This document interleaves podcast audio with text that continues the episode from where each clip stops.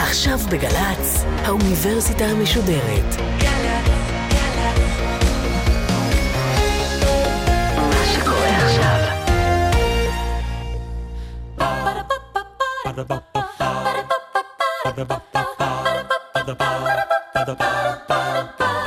האוניברסיטה המשודרת מציגה מסע סביב רעיון, והסמסטר משחק. והפעם הפרופסור צביה ולדן, בלשנית התפתחותית וחברתית מאוניברסיטת בן גוריון, על משחקי לשון. עורכת ראשית, מאיה גאייר. פעם איש סרג כביש. פעם מלפפון דיבר בטלפון. פעם יום ראשון הלך לישון. פעם פשטדה התנדנדה בנדנדה. פעם אוטו זכה בלוטו. פעם גמל בלע עמוד חשמל.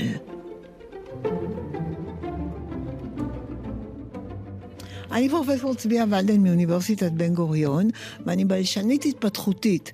כשאני אומרת לילדים שאני בלשנית התפתחותית, השאלה הבאה, בלשנית, על מה את בולשת? אבל תמיד יש ילד אחד נחמד שמציל אותי, הוא אומר, לא, לא, לא, היא לא, היא לא בולשת, היא ביישנית.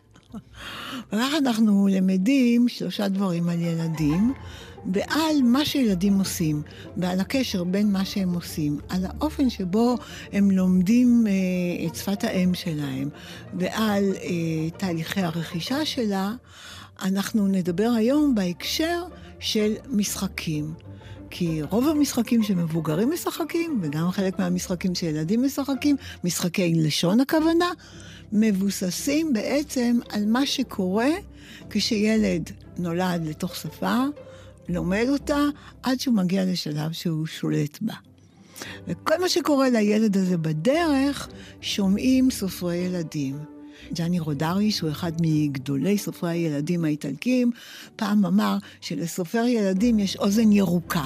כאילו, האוזן שלו עדיין לא הבשילה. האוזן, הוא כולו גדל, אבל נשארה לו אוזן טריה וירוקה, מפני שסופר ילדים ממשיך לשמוע דברים שרוב המבוגרים כבר אה, לא שומעים. אז כשילד שאל אותי אם אני בולשת, אז זה מראה לנו שהוא הבין את הקשר בין בלש, לבלוש, ובלשנית. במקרה שלנו זה לא נכון, אבל זה היה יכול להיות נכון. היה אפשר להגיד שמישהו שבולש אחרי אנשים הוא בלשן. במקרה שלנו ההיסטוריה רצתה שהמילה הזאת תיוולד באופן לגמרי לגמרי אחרת. הילד שאמר, לא, היא לא בלשנית, היא ביישנית, גם הוא גילה לנו משהו על הילדים. כי הילדים מתקשים כשהם רכים, רכים, רכים, הם רק מתחילים ללמוד, הם מתקשים להבחין בין י' לל'. לכן הם אומרים, יו יוצא. גם הלא וגם הרו, שתיהם צלילים שצריך לגלגל את הלשון בתוך הפה, לילדים זה לא יוצא. אז הם נורא נורא רוצים להגיד, לא רוצה! ומה שיוצא זה יו יוצא. ואז כשאני אמרתי בלשנית, הילד חשב שאולי אני בעצם סתם ביישנית, כי ילד קטן היה יכול להגיד את המילה בלשנית, ביישנית, בגלל הלמדה התלויה שלה. עכשיו, מה בעצם עושה הבלשנית התפתחותית כמוני? אני חוקרת את הקשר בין תהליכי הרכישה של שפת האם של הילדים לבין כל מה שמתרחש סביבם. לפעמים זה חברה, לפעמים זה מבוגרים, לפעמים זה הורים, לפעמים זה חדשות, לפעמים זה משחקים. ודרך אגב, החלק העיקרי של השפה נרכש על ידי הילדים אלה מאלה. המבוגרים מאוד אוהבים להאמין שהכל תלוי בהם, אבל המחקר מראה לנו שזה לא בדיוק המצב. דווקא ילדים לומדים יותר אחד מהשני, מאשר הם לומדים מן המבוגרים. עכשיו, מה עושים סופרי הילדים? מתי הם משחקים בלשון? למה בעצם מצחיק את הילדים לשמוע פעם איש סרג כביש? למה מצחיק אותם לשמוע כשאומרים פעם מלפפון דיבר בטלפון? ודרך אגב, כשקוראים להם את זה, הם מתפוצצים מצחוק. בשבילם זה יופי של משחק. הסיבה היא די פשוטה. הסיבה הראשונה זה כשאומרים פעם איש סרג כביש, אנחנו מפירים כאן איזשהו כלל. כל ילד יודע שכביש לא סורגים, אז הדבר הראשון שילדים מבינים זה שזה בלתי אפשרי בעולם המציאותי שלנו. דרך אגב, לנורית זרחי יש ספר ילדים נפלא, והדמות הגיבורה הראשית של ספר הילדים שם, היא סורגת הכל. היא סורגת עולם שלם. היא סורגת בתים, היא סורגת כבישים, היא סורגת אנשים, היא סורגת את העולם כפי שהיא הייתה רוצה שהוא יהיה. אבל הילדים מבינים שבעולם הריאלי אף אחד לא סורג כביש. אז הדבר הראשון שמצחיק אותם, זה שאומרים להם, איש סרק כביש. שאומרים להם, מלפפון דיבר בטלפון, אז הם יודעים שמלפפונים בדרך כלל לא מדברים בטלפונים. אבל מעבר להפרה של שני הכללים האלה, שאנחנו קוראים להם כללי פרגמטיקה, כי הם בלתי אפשריים, הם מתארים מצב שהוא בלתי אפשרי, הילדים גם קשובים לחרוזים. כי אומרים, פעם איש סרג כביש.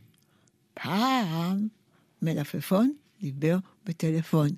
כלומר, הילדים שומעים איזו התנגשות בין מצד אחד אמירה שאין לה שום קשר לעולם המציאותי, ומצד שני חרוז. וילדים אוהבים מאוד מאוד חרוזים.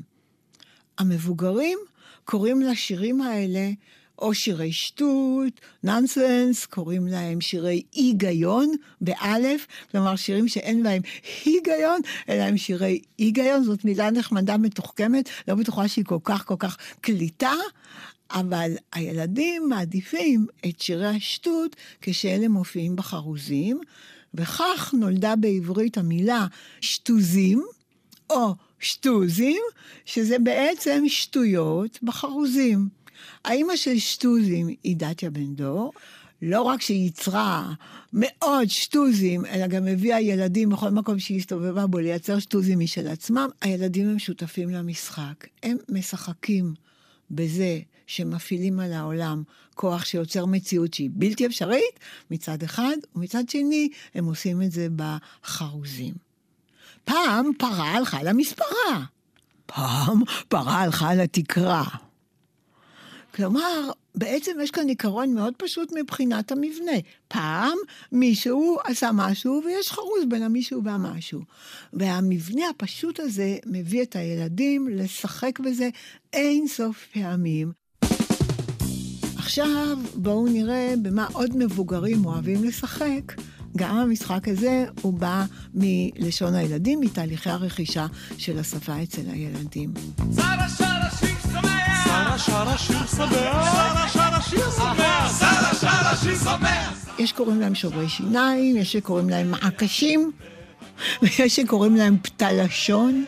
ויש שקוראים להם פשוט בלבול בפה, והם עושים הכל, הם מכשילים אותנו, הם מצחיקים אותנו, הם גורמים ללשון שלנו להתפתל, אבל הם לא מקריים. רוב שוברי השיניים מתעסקים בצלילים שהם הצלילים שקשה לילדים להשתלט עליהם. זה רגע להגיד משהו שלא כל בני אדם יודעים. כשתינוק נולד והוא יוצא לאוויר העולם, הוא עוד לא יודע לאן הוא נפל. הוא לא יודע שהוא נפל לישראל שמדברים בה המון המון שפות, אבל בעיקר עברית וערבית. ברוסית, הוא, הוא לא יודע לאן הוא נפל. הוא יכול היה באותה מידה להיוולד ביפן, ושם מדברים שפה לגמרי אחרת, משתמשים במערכת צלילים לגמרי אחרת. אז מה שהניסיון והמחקר מלמדים אותנו, בעיקר המחקר, שכשילד נולד ויוצא לאוויר העולם, כשהוא מגיח מן הרחם, הוא מסוגל לייצר את כל הצלילים של כל השפות. לאט לאט מה שקורה לו, אנחנו חושבים שהוא לומד את הצלילים של שפת האם שלו, למעשה הוא עושה תהליך הפוך, הוא מחיד את הצלילים שקיימים והוא לא ישתמש בהם. כלומר, צלילים שלא זוכים לחיזוק, לאט לאט נעלמים. זה כמו עוד כמה אה, אינסטינקטים שיש לילדים, שעם השנים הם נעלמים, ילדים נולדים הם יודעים, יכולים לשחות, אחרי כמה זמן אם לא מאמנים אותם, הם שוכחים לשחות. אז ככה קורה להם הצלילים. אז קודם ראינו שכשהילדים הם מאוד מאוד מאוד רכים, אז קשה להם להשתלט על צלילים שמפיקים בעזרת הלשון בתוך הפה. אז הלמד, הלמד שלהם מסתובבת, והרשע או הרשע גרונית יותר שלהם, ואז כשרוצים להגיד לא רוצה, יוצא, יו יוצא. הדבר הבא שמעורר אצלם הרבה בעיות זה ג' וד', וכ ות. גנן גידל דגן בגן, כשהגיע קיץ, דגן גדול גדל בגן, ממש עד הברכיים. רבים רבים רבים מכירים את הסיפור של שולם הלחם, טופה לטוטוריטו. מי זה טופה לטוטוריטו? זה ילד מקסים, אבל יש לו בעיה. יש לו בעיה שיש להמון ילדים בסביבות גיל שלוש עד ארבע, לפעמים אפילו קצת יותר, ומה הבעיה שלו? שהוא רוצה להגיד ג, ויוצא לו ד. עכשיו, מה ההבדל בין ג וד? בשני המקרים הלשון צריכה לנקוש על החך העליון, פעם אחת על החך, פעם אחת על השיניים. ד זה גבוה קצת יותר, ג זה נוקש יותר קרוב לשיניים. עכשיו, מה קורה?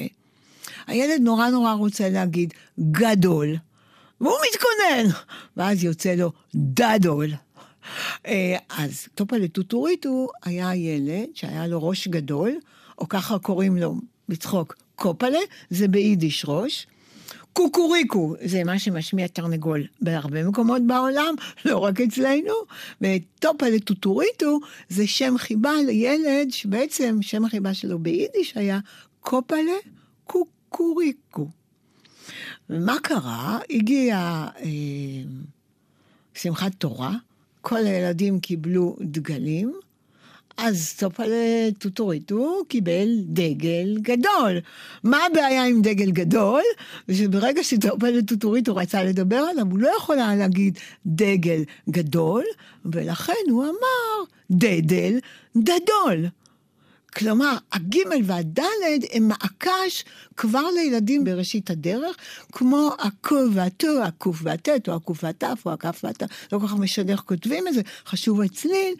ורוב מעקשי הלשון שהמבוגרים משתמשים בהם, כמו גנן גידל דגן גדול, דגן גדול גדל בגן, אלה מעקשים שמבוססים על המקום שיש לילדים קושי. מה כל כך מעניין בזה? ולמה זה משחק למבוגרים, אבל זה ממש לא מצחיק את הילדים?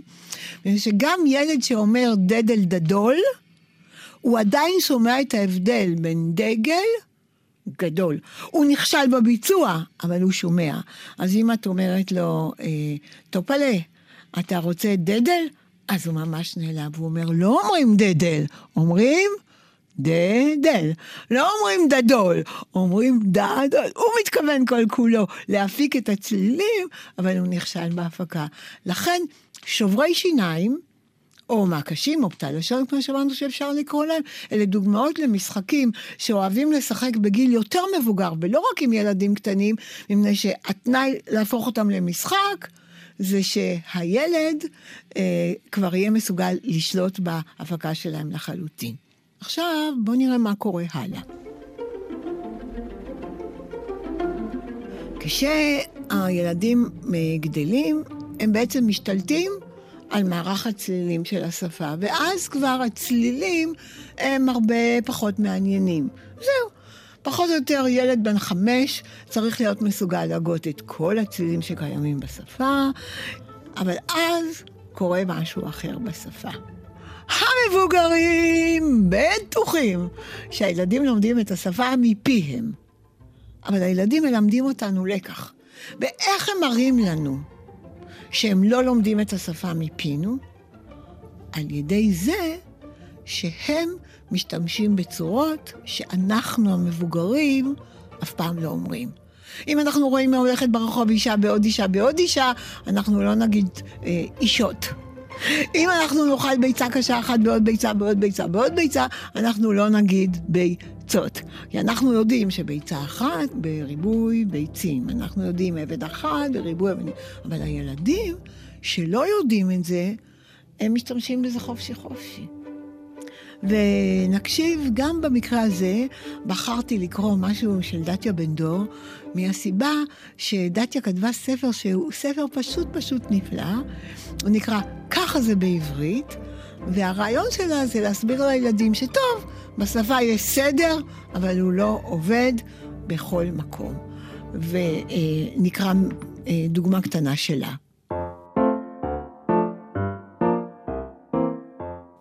כשיש עננים אומרים, היום מעונן, וכשיורד גשם אומרים, היום מגושם? מה פתאום? כשיורד גשם אומרים היום גשום. למה? ככה זה בעברית. מי שמתלבש הוא לבוש, ומי שמתפשט הוא פשוט? מה פתאום? מי שמתפשט הוא ערום. למה? ככה זה בעברית. מי שמתרחץ הוא רחוץ, ומי שמתנגב הוא נגוב. מה פתאום? מי שמתנגב הוא מנוגב. למה? ככה זה בעברית. בעצם, מה שדתי עשתה, זה היא שחזרה את תהליך הלמידה של העברית על ידי הילדים בתוך שיר. וככה באמת ילדים עושים. ילדים באמת מסוגלים להגיד שהיום מגושם כשיורד גשם, הם באמת מסוגלים להגיד היום ענון כשיש עננים, הם מסוגלים להגיד בעצם כל שימוש אפשרי בשפה שמתאים לאיזושהי תבנית, לאיזושהי אנלוגיה שהם עושים. ובעצם אין בזה שום היגיון. כי למה באמת מי שמתלבש הוא לבוש, ומי שמתפשט הוא לא פשוט? למה באמת מי שמתרחץ הוא רחוץ, ומי שמתנגב הוא לא נגוב? אין לזה הסבר. ההסבר שאנחנו יודעים זה שבשפה יש הרבה אפשרויות, וכל מילה מתקבעת על דגם מסוים ולא על דגם אחר, אבל המשחק הוא, האמיתי, הוא המשחק של הגילוי. וילדים מאוד מאוד אוהבים לשחק במשחק הלשון הזה של גילוי, ומצליחים בו, וכשהם מאוד קטנים, אז אנחנו נותנים להם לשחק במשחק שהתשובה שלו ידועה מראש. אנחנו אומרים, מה הולך עם חלום? אז הילדים אומרים שלום. ומה הולך עם חלון? אז הילדים אומרים בלון. ואנחנו שואלים אותם כל מיני שאלות שהתשובות שלהם הן מובנות מעליהן. אבל כשהילדים קצת יותר גדלים, הם אלה שמתחילים לשאול את השאלות. ואז הם שואלים, אבל למה? קודם ראינו דוגמאות של תארים, נכון? מגושם גשום, מתפשט פשוט, מתרחץ רחוץ, מנוגב נגוב, וראינו את הדוגמה הזאת, אבל הילדים ממציאים את זה בכל מקום, והרבה פעמים הם שואלים שאלות ממש ממש מצוינות. אם אומרים הרבה חורים בחור אחד, למה לא אומרים הרבה הורים והור אחד? ואם אומרים חור אחד והרבה חורים, למה לא אומרים אור אחד והרבה אורים? למה? ככה זה בעברית. אם אומרים הרבה ברנשים וברנש אחד, למה לא אומרים הרבה אנשים ואנש אחד? ואם אומרים חוף אחד והרבה חופים, למה לא אומרים עוף אחד והרבה עופים? למה? ככה זה בעברית. אז גם כאן, מה שבעצם הילד משחק איתו, זה הוא בודק את כל האפשרויות. כלומר, המשחק לצורך העניין הזה משרת אותו כדי ללמוד מהי הסכמה. בסיכומו של עניין, המילים שבהם אנחנו משתמשים, הם מילים שהגענו אליהם על ידי הסכמה כללית. עד עכשיו אנחנו דיברנו על מקרים שבהם סופרי הילדים כותבים על השפה משחקים שהילדים משחקים בהם בחיי היום-יום, ובעצם סופרי הילדים לוקחים אותם, שותלים אותם בתור ספר, ואז גם הילדים אוהבים לצחוק כשקוראים להם את זה, וגם הם אוהבים להצטרף לזה בהפקה. ואני בחרתי רק סופרי ילדים אה, דוברי עברית, ואחד הגדולים שבהם, והוותיקים שבהם זה אברהם שלונסקי, שאף אחד לא ישווה לו בהבנת נפש הילדים. הוא פשוט אה, חי עם הילד, מדבר עם הילד ועושה לו, בשירה שלו, בשירים שלו, הוא עושה מניפולציות פשוט נפלאות על השפה. הרבה ארצות ועמים בעולם, יאים ונעים הם רובם ככולם. נסעתי גם הנה נסעתי גם שמה, אך אין מצוינת כארץ הלמה. ערב טוב קהל נכבד, ערב טוב מזוג נחמד, שכמוהו לא נברא. אך עשו נא הכרה. שמי הוא פיט. שמי הוא פוט. שמנו יחד הוא פטפוט. באנו הנה וכעת, שנינו יחד נפטפט. פיט. פוט. פיט. פוט. זוג מארץ ליליפוט.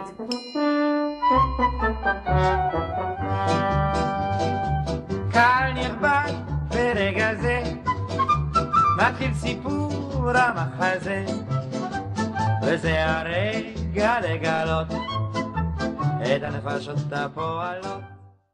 ואני דווקא בחרתי דוגמה מתוך שלונסקי, כי אני רוצה להגיע לשלב הבא.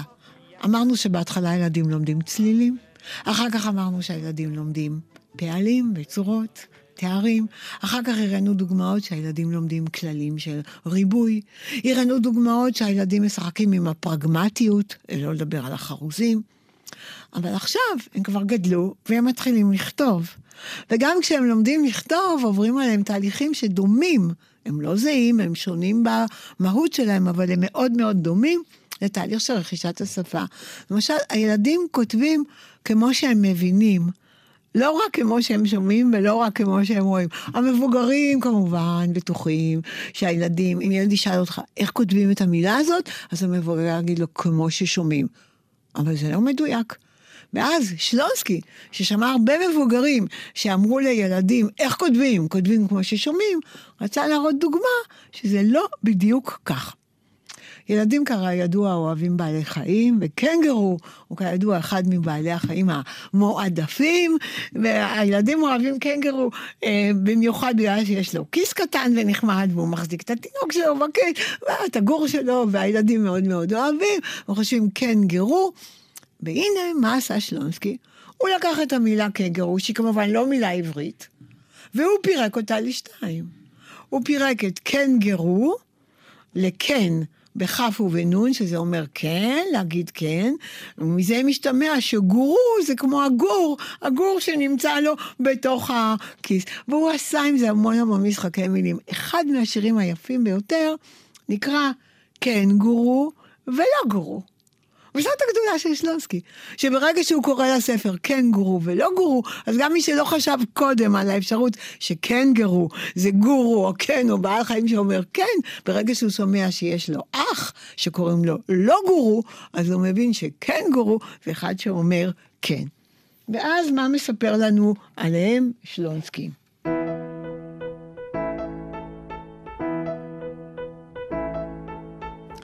האחד הוא גור חביב, והכן לא מש מפיו, ואחי הוא עקשני הוא, והלא לא מש מפיהו. זאת אומרת, מה שלונסקי עשה?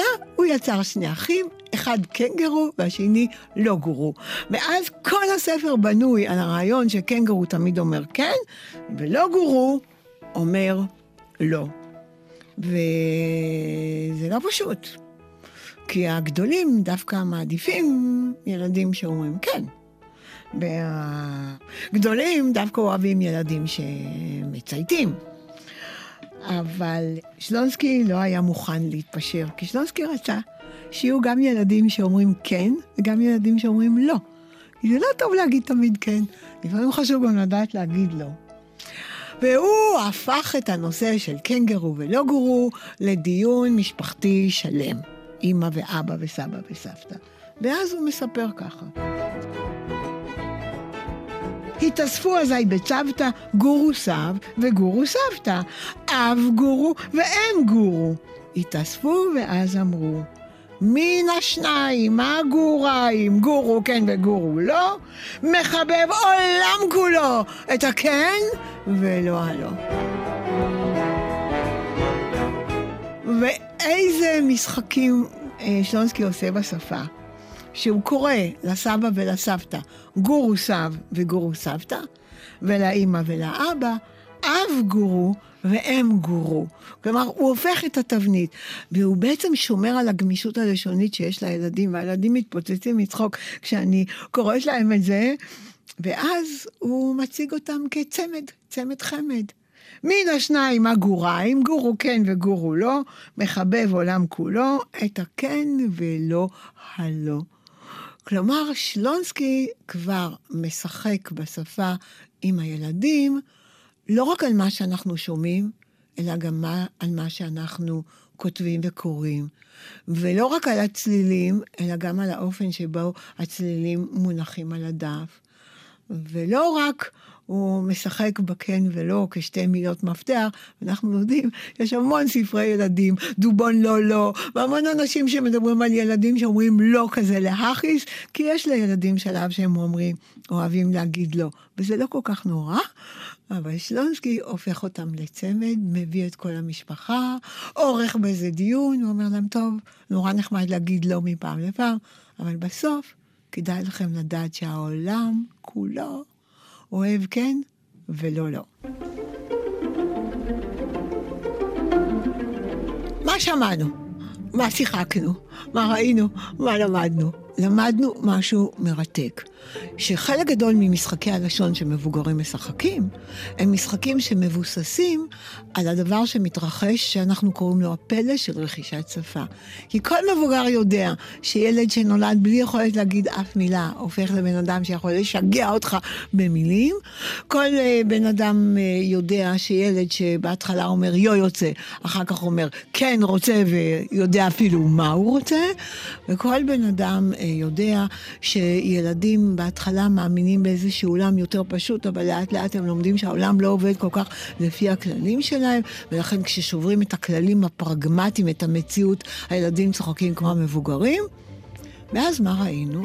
שכשהמבוגרים רוצים לשחק משחקי לשון, הם מנציחים את הרגעים האלה בילדות. הם הולכים אל הילדות הזאת ומנציחים אותה. יש ספר ילדים נפלא של אורי סלע, שנקרא אה, ילדות קשה, ששם הוא מנציח את המשחקים האלה, אה, שמן דובון, בלס הבון, הטיל ביצה, ומי יצא. ויש המון דברים שכבר היום לא היינו אומרים אותם, אולי כי הם קצת לא פוליטיקלי קורקט, ללעוג לשמן דובון. נכון, אבל מה שאורי סלע הראה שם זה שהדקלומים האלה והשירים האלה בחריזה הזאת הם חלק מזיכרונות הילדות של כולנו. בעברית זה נס גדול, כי הילדות של העברית הייתה באמת ילדות קשה. כי נגיד לדוברי אנגלית ולדוברי צרפתית יש שירי ילדים מהמאה ה-17 ומהמאה ה-15 ואפילו מימי הביניים. ואנחנו, שהעברית שלנו הייתה גבירה. מכובדת, ולא הייתה שפת אם עד uh, לפני 150 שנה, הייתה לה ילדות קשה לשפה שלנו. ואף על פי כן, אנחנו הצלחנו לשחזר את זה בעברית. ומשחקי הלשון שהמבוגרים משחקים, כולם אינם אלא שחזור של הרגעים הנפלאים בילדות של כל יחיד ויחיד, כשהוא מנסה ללמוד לדבר והוא נכשל פה ושם, וכל מעקש, כל קושי, כל התלבטות של הילד, הופכים להיות חומר למשחקי לשון עבור המבוגרים. תהנו.